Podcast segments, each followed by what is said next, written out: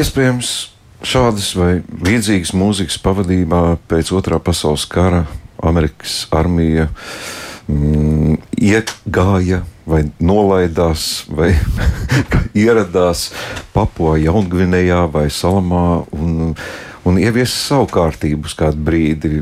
Viņi pat nenojauta, ka pēc nieka 70 vairāk gadiem kāds latviešu mākslinieks arī šo pamanīs un radīs arī mākslu, kas eh, ir kaut kādā veidā rezultējusies šiem notikumiem.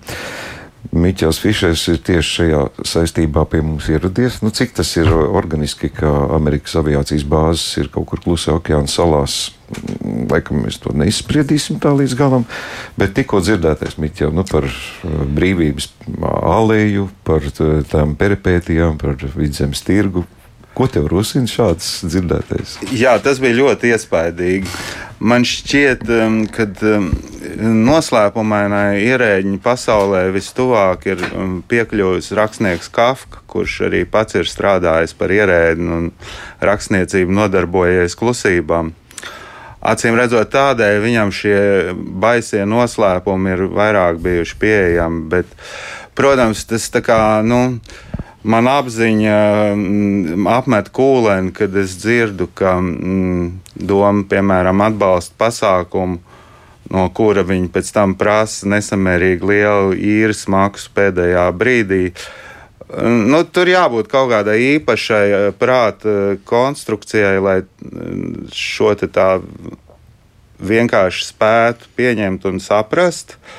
Um, kas attiecās jā, uz Rīgas namiem. Arī es, es esmu tieši no mākslas aprindās, es esmu dzirdējis tik daudz. Dažādu absurdu par šo organizāciju.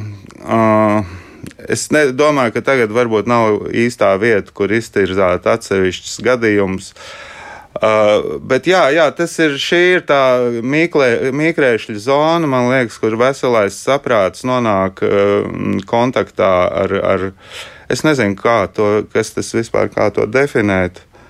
Uh, ar to, ko es nezinu, kā definēt. tu pats esi saskāries kādam līdzīgam? Nu, ik viens jau ir saskāries, kas kaut vai nodokļus maksā. Nu, nu, tas eh, no Zetlera kunga teiktais, ka ar cenzūru šeit nav nekāda sakara, nu, nu, mēs varētu saprast, jā, ka nu, cenzēti darbi šeit netiek. Tā pašā laikā rezultāts nu, ir diezgan līdzīgs. Jā, tas man arī uz, eh, šķita ļoti raksturīgi, ka eh, šobrīd jau arī uh, um, ierēģi un nu, atbildīgo iestāžu darbinieki ir iemācījušies, ka nedrīkst teikt, ka mēs cenzējam nekādā ziņā, jo to taču var izdarīt pavisam savādāk. Un, uh, kas attiecas uz Atlera kunga teikto, man pilnīgi piekrīt par mākslas muzeju pirmajai pusē, par mūsdienu mākslas muzeju, ka tas ir ārkārtīgi nepieciešams jo mākslē vajag vietu, bet nē, negluži. Um, tā problēma ir, ka, ja būtu šis muzejs un um, ši, pats Zetlera kungs viņu regulāri apmeklētu, viņam varbūt mainītos tas priekšstats.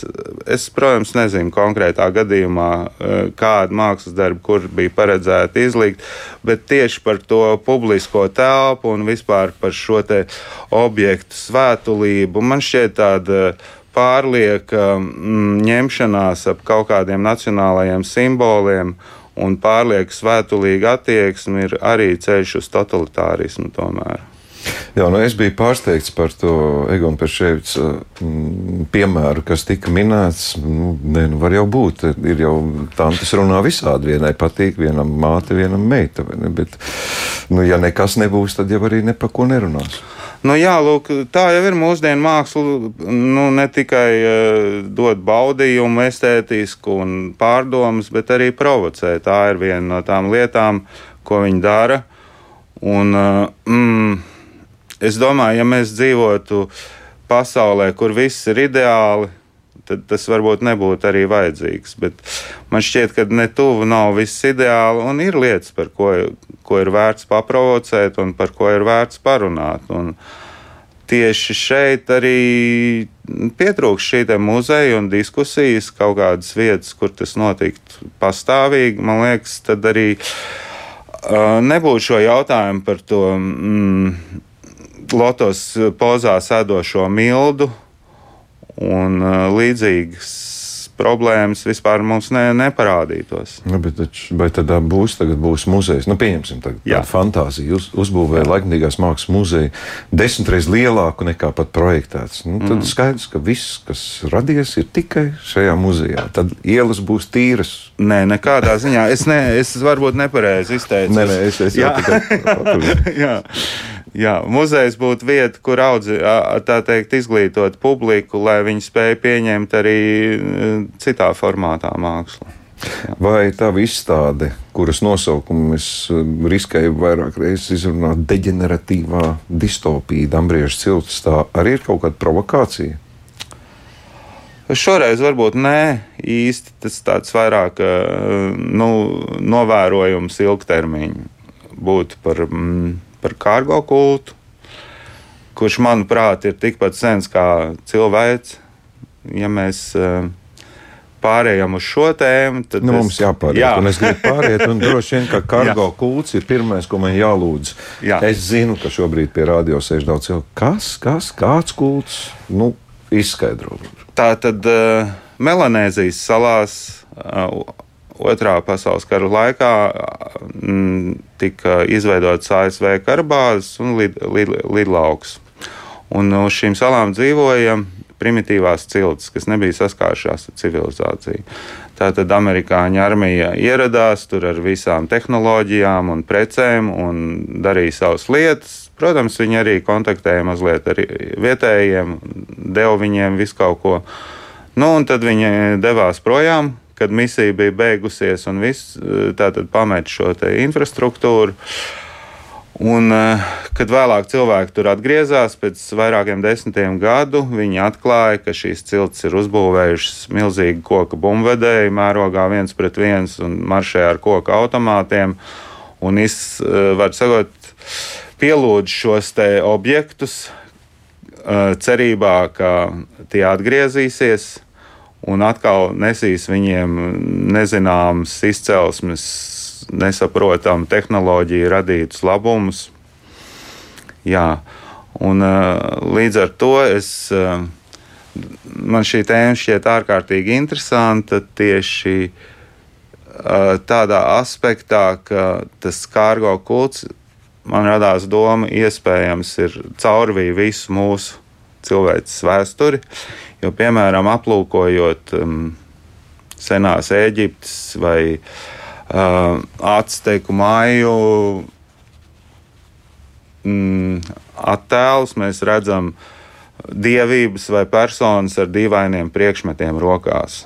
Eģiptiešiem, piemēram, ir tādas rokas somiņas, viņas ir arī mājiem, vai kaut kādi jocīgi zīžļi, vai vēl kaut kas, kaut kas pie mutes.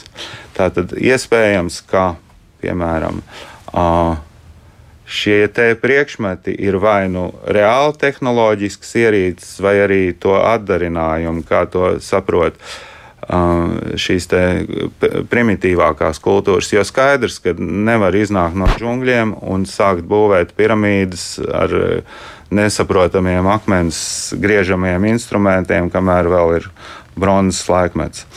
Um, Tātad, cik es saprotu, uz Zemes vienmēr ir pastāvējušas augstas tehnoloģijas, attīstītas kultūras kopā ar primitīvām, un īpaši pēc kādām kataklizmām šīs kultūras sastopas, un tad arī rodas kārgo kults. Nu, nu, mēs esam dzirdējuši, ka tiem pašiem maijiem tur ir lidojušie šķīvīši attēloti. Jā, kas tik tur nav, kosmosa kuģa, krēsls un vēl visādas lietas. Jā. Nu, Tad par ko tagad mums jāsāk domāt? Vai tikai ne pašiem par sevi? Vai Jā, mēs paši grib... neesam kargo kulta sastāvdaļa. Esam. Es gribēju attīstīt tālāk šo ideju. Tagad, piemēram, nu, pieņemsim, ka notiek scenārijs, tas, kas ir ļoti iespējams, ko mēs neviens nevēlamies, ir atomziema. Tātad atomziemā kas mums izdzīvo? Izdzīvo valdību bunkuros, Norvēģijā, kur ir arī tā sēklu banka, ja, un speciāls iekārtas dzīvības uzturēšanas. Un vēl kas izdzīvo, vēl izdzīvo primitīvās vācēju mednieku ciltis, jo nevienam citam brīvā dabā nav iemaņa izdzīvot bez civilizācijas labumiem. Nu, tā tad nu, tur ir radiācija, ir visādas nelaimes, bet pieņemsim, ka izdzīvo. Un, uh, nu, paiet pāris simts gadi, kad jau ir droši nākt ārā no tiem bunkuriem. Un ir, pieņemsim, tagad šie cilvēki, kas ir bijuši bunkuros, viņi ir tur nodzīvojuši vairākas paudzes, kļuvuši jau pelēkām sejām, jo saules gaismu nav redzējuši, lielām acīm varbūt. Un viņiem vēl ir saglabājušās kaut kādas ierīces, kas funkcionē. Viņi viņas var, varbūt remontēt, bet viņi nespēja ražot. Viņiem nav nu, rūpnīcas tehnoloģijas iekārtas. Droši vien viņi viņus var uzturēt eh, darbības kārtībā kādu laiku. Nu, lūk, šīs kultūras satiekas ar primitīvajām ciltīm, un man liekas, atkal sākas viss no sākuma. Tas es, pats scenārijs. Mēģinu iztēloties visu to Jā, nu, tas ir tādā, tādā iespējamā, neiespējamā nākotnē, bet domājot par to mūsu šī brīža, nu, es nedomāju par mūsu sabiedrību tādā šaurā, bet vispār civilizāciju kā tādu. Mēs arī neesam šī kaut kāda cita, nu, pirms 2-5 gadu kaut kādas kargo efekta rezultāts, kas vienkārši esam attīstījušies. Mums nu, arī, mēs arī pielūdzam, un pie tam pasaulē tik daudz dažādas pielūgsmes objektu ir, kā tas viss ir radies. Šķiet ļoti, ļoti iespējams, ka tā tas ir. Jā. Jā. Um, Es domāju, ka nu, šī, šis te, um, mans stāsts par Dambriežu cilti, tas ir tā, tāds viens no mm, iedomāts laika līnijas scenārijiem, kas, kas um, mm, varētu notikt tuvākajā nākotnē. Un, um, tas ir tā, tā, tie ir tādi nelieli fragmenti no šīs dambrieža cilts um, dzīves un pielūgsmes objektiem. Nu, labi, kāpēc tieši briedis ir izvēlēts? Jā, nu tie brieži man viņi ļoti ilgstoši ir krājušies. Ik pa laikam manā dairadē parādās brieži kaut kādi, un um, kāpēc es nezinu, nav ne jausmas, bet um, izstādē es saliku kopā vairāku laika periodos taisītos briežus, jo man piedāvāja šo iespēju izstādīties, un eh, es apskatīju galeriju, un tas tāds ļoti patīkams mazs formāts. Man likās, ka te nu ir tas laiks un brīdis, kad tiem briežiem būtu jāmaterializējas, jo es arī taisīju tieši tajā brīdī tādu mm, mērogu modeli vienam briedim, un tad viss saskanēja. Tad sanāk, ka brieži nezinu, no kurienes gadu gadiem nāk un nāk, un tad mākslinieks Miķels Fišers domā, kā tos briežus vienā aplokā salikt. Tā tas... O jā, tieši tā. Jā. Un tam palīgā nāca šī, šis stāsts par, par, par kargo kultu. Jā. Vai, vai kā tas saslēdzās? Pilnīgi nevar. Nu, kur tu uzzināji par tādu kargo kultu, piemēram, kā tas varēja saslēgties?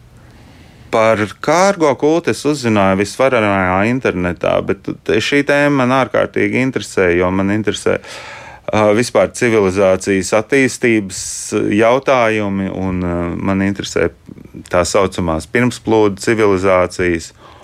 Un, ļoti interesē lietas, ko nevar izskaidrot arheoloģija un vēsture.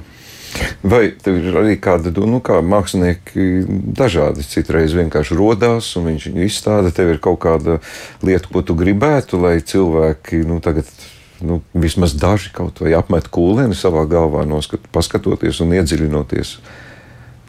Mums jāķerās pie brieža audzēšanas. Mēs esam pareizā reģionā, nedzīvojam nu, tik praktiski laikam nebūs. Te nu jāsaka, ka tas dambriedis, eh, kas ir manā izstādē, viņam nav nekāda sakara ar to, ko mednieks saprot ar vārdu dambriedis. Un šis dambriedis ir radies mutācija re rezultātā, un viņš ir plēsīgs dzīvnieks.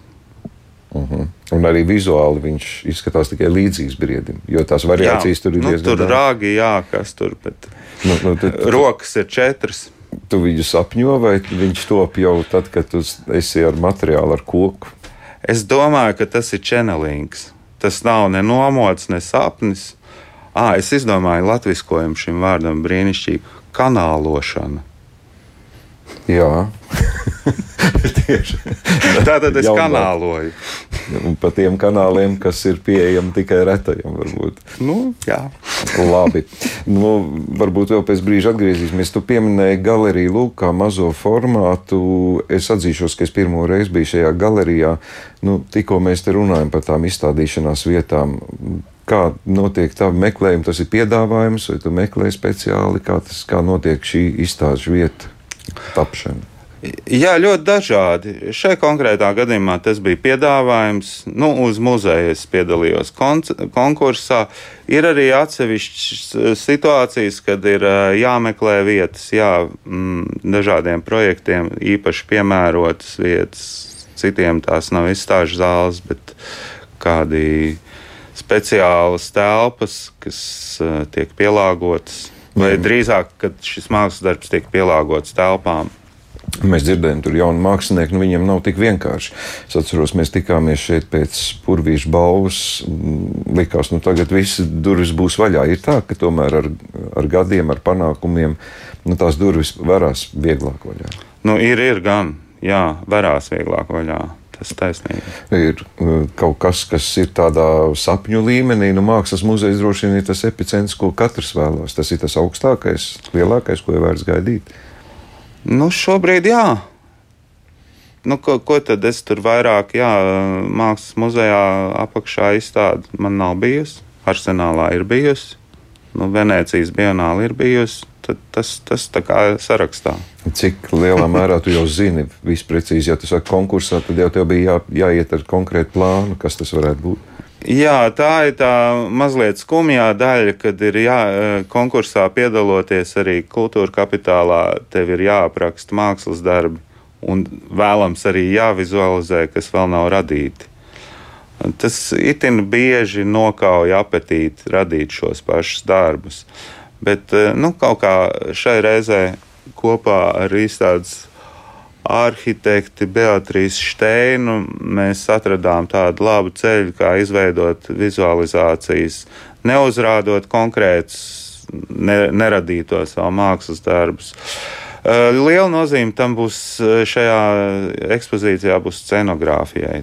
Es domāju, puse, nu, nu varbūt ne puse, bet tā, tā, tā būs krietnes īpatsvars. Jā. Mm, kanālošana noteikti būs noteicošā. Ja darbi vēl nav tapuši, tu paļaujies uz to, ka kanāli būs atvērti. Nu, protams, kanālošanu jau nevar apturēt. Ja tie kanāli vaļā, viņš jau nāk. Un pat arī nomodā vai buļbuļs. Nezinu, nu, varbūt tās pēkšņi būs kaut gailīšas ogles vai, vai kaut kas video, vai tā pati, kas šajā izstādē, kā to var nosaukt, mikroskulptūra. Jā, jā. Cerams, izdosies skulptūru realizēt arī lielā formātā. Sākotnēji iecerēta ir Andra Eglīša savvaļas projektam šī skulptūra. Un te, tad, tas jau ir tā kā plānos. Jā, jā. Uh -huh. uh, šajā izstādē šī skulptūra ir kā īpašs objekts, tādā putnu būrī, lielā novietots. Tas ir kaut kas jauns no tevis, cik daudz tu esi saskāries ar šādu tehniku. Jā, nu es man, esmu taisījis no tām koku līstītēm dažādas maketus, gan operai, gan teātriem, bet uh, tik uh, tīri kokā es neesmu vēl strādājis. Jā, tas man bija ārkārtīgi uh, interesants un š, ļoti, ļoti patīkams darbs. Man tiešām patīk strādāt ar rokām. Nu, tas nozīmē, ka tagad Mikls Fišers kļūs par tēlnieku. Te jau galvenais vairāk bija. nu, galvenais, nu, jā, labi, bet, nu, ja vēl liela objekta, tad parādīsies, ka tev vajadzētu cementu vai, vai kādu citu materiālu. Nu, ja vajadzēs kļūt par tēlnieku, ko tad? Darīt. Jā. Ja kanāli vaļā, jā, tad, jā, tad jā, jārīkojas. Kosmos, jā. Kas, vai šī informācija ir būtiska? Es pieņemu, ka ejot garām galerijai, lūk, nu, cilvēki iegriežas arī tie, kas vispār neko nesaprot. Tad būtu svarīgi zināt to bāzi, ko viņi redz, jo ieraugot brieža, tā viņi saka, smuki. Arī tas der, bet tiem, kam tiešām interesē, vienmēr ir galerijā lapiņas ar tekstu. Mhm. Un ir arī galerists, kurš atbild uz jautājumiem. Man šķiet, ka nu, normāli mākslā jābūt arī baudāmai bez komentāru. Viņai jābūt kaut kādai pietiekošai vizuālai vērtībai, lai viņi tāpatās darbotos. Varbūt ne simtprocentos gadījumu, bet nu, lielākajā daļā. Nu, un tad, ja ir nepieciešams vairāk informācijas, tad arī ir teksts. Nu, jā. Par darbu tapšanas vietu man joprojām atmiņā ir Meksika un īpaši tie sīkie detaļu rezultāti, kas saistās ar to, to ka tie darbi tapuši tieši tur. Tu meklē vēl vietas, Meksika ir aktuāla vēl tur. Jā, protams, nav tikai bijusi izdevība, bet eh, ļoti gribās atgriezties gan Meksikā, gan, gan uh, Dienvidamerikas valstīs. Jā, bet tās briežu ciltis vairāk uz ziemeļiem. Nē, nē, nē. Vičols indiāņiem, eh, Elvenādo, svētais briedis, skrēja pār tuksnesi, radīja pasauli, un kur viņš pieskārās ar pakaviem zemē, tur aug pējot kaktus. Tagad. Kāpēc es to prasīju? Tāpēc, ka skaidrs, uz siltām zemēm visiem gribās uz tur, kur augsti, tur nē. Nu, salatētim arī brieži. un labi, ko, labi izējai materiāli koks. Jā, Varbūt, ka tur, tu papilnam. eksperimentēt ar dažādiem koka, kokiem, tu vēl tā kā plāno, tas ir svarīgi. Mm, noteikti, jā. Koks ir ļoti labs materiāls, man ārkārtīgi patīk. Un gleznošana arī nav atmesta. Nav viena, atmest. viena, viena glezna arī ir. Ja, ir divas, bet vienu mēs nelikām, lai mm, tā kā man ļoti patīk, kad ir tāda tīra un minimalistiska tā ekspozīcija. Jā. Neliela gal galerija un arī neliels izstādes dzīves laiks līdz 19. augustam. Nav pa mazu. Nu, Nav tas žēl. ir, nē, pilnīgi normāls laiks galerijas izstādē. Man šķiet, nu, citreiz ir divas nedēļas arī. Jā. Vēl, vēl starp posmā tiek plānots kaut kāds arī nelielas izstādes līdz lielajiem mākslas izstādēm. Nu šobrīd es esmu tik jau pēc kārtas, man bija kuldīgā personāla izstāde. Es domāju, ka tagad es bišķi piebremzēšu, jo man vēl ir operē jātaisa eh, scenogrāfija kopā ar Aiku Karpetu Jānu Hopmaņu stāstiem. Un es domāju, ar to man pilnīgi pietiks. Ah, un tad ir vēl viens projekts, par ko es neteikšu ne vārdu, jo tas ir milzīgs noslēpums. Un, nu, būtu neprāts vēl kaut ko paņemt klāt. Aha, beigās, Gatavojoties lielajai izstādē. Beigās tomēr iemet kaut kādu intrigu. Jā, jā tā, tas ir labi. Mīķel, paldies par veselu ziedotu stundu. Š, šis bija tiešām tāds paldies. eksperiments. Es ceru, ka varbūt mēs kādreiz ar kādiem citiem māksliniekiem, jebkuru mākslu pārstāvjiem, uh, ir interesanti dzirdēt to pirms, pirmās reakcijas viedokli. Mm, šajā gadījumā tas bija par divām izstādēm, un es aicināšu mūsu klausītājus, jā, izmantojiet iespēju padomāt par mm, deģeneratīvo distopiju. Jā, cik sarežģīts nosaukums, bet Dambrieža cilts kā viens no um, iespējamiem mūsu nākotnes mm, kādiem variantiem tas izklausās. Jā, bet varbūt pietiek tikai ar mākslu, lai to vārdiņu nu, smuki. Jā, tas būtu tas jaukākais. Mākslinieks Miķels Fišers bija mūsu studijā. Paldies, Miķel, par šo Paldies. sarunu.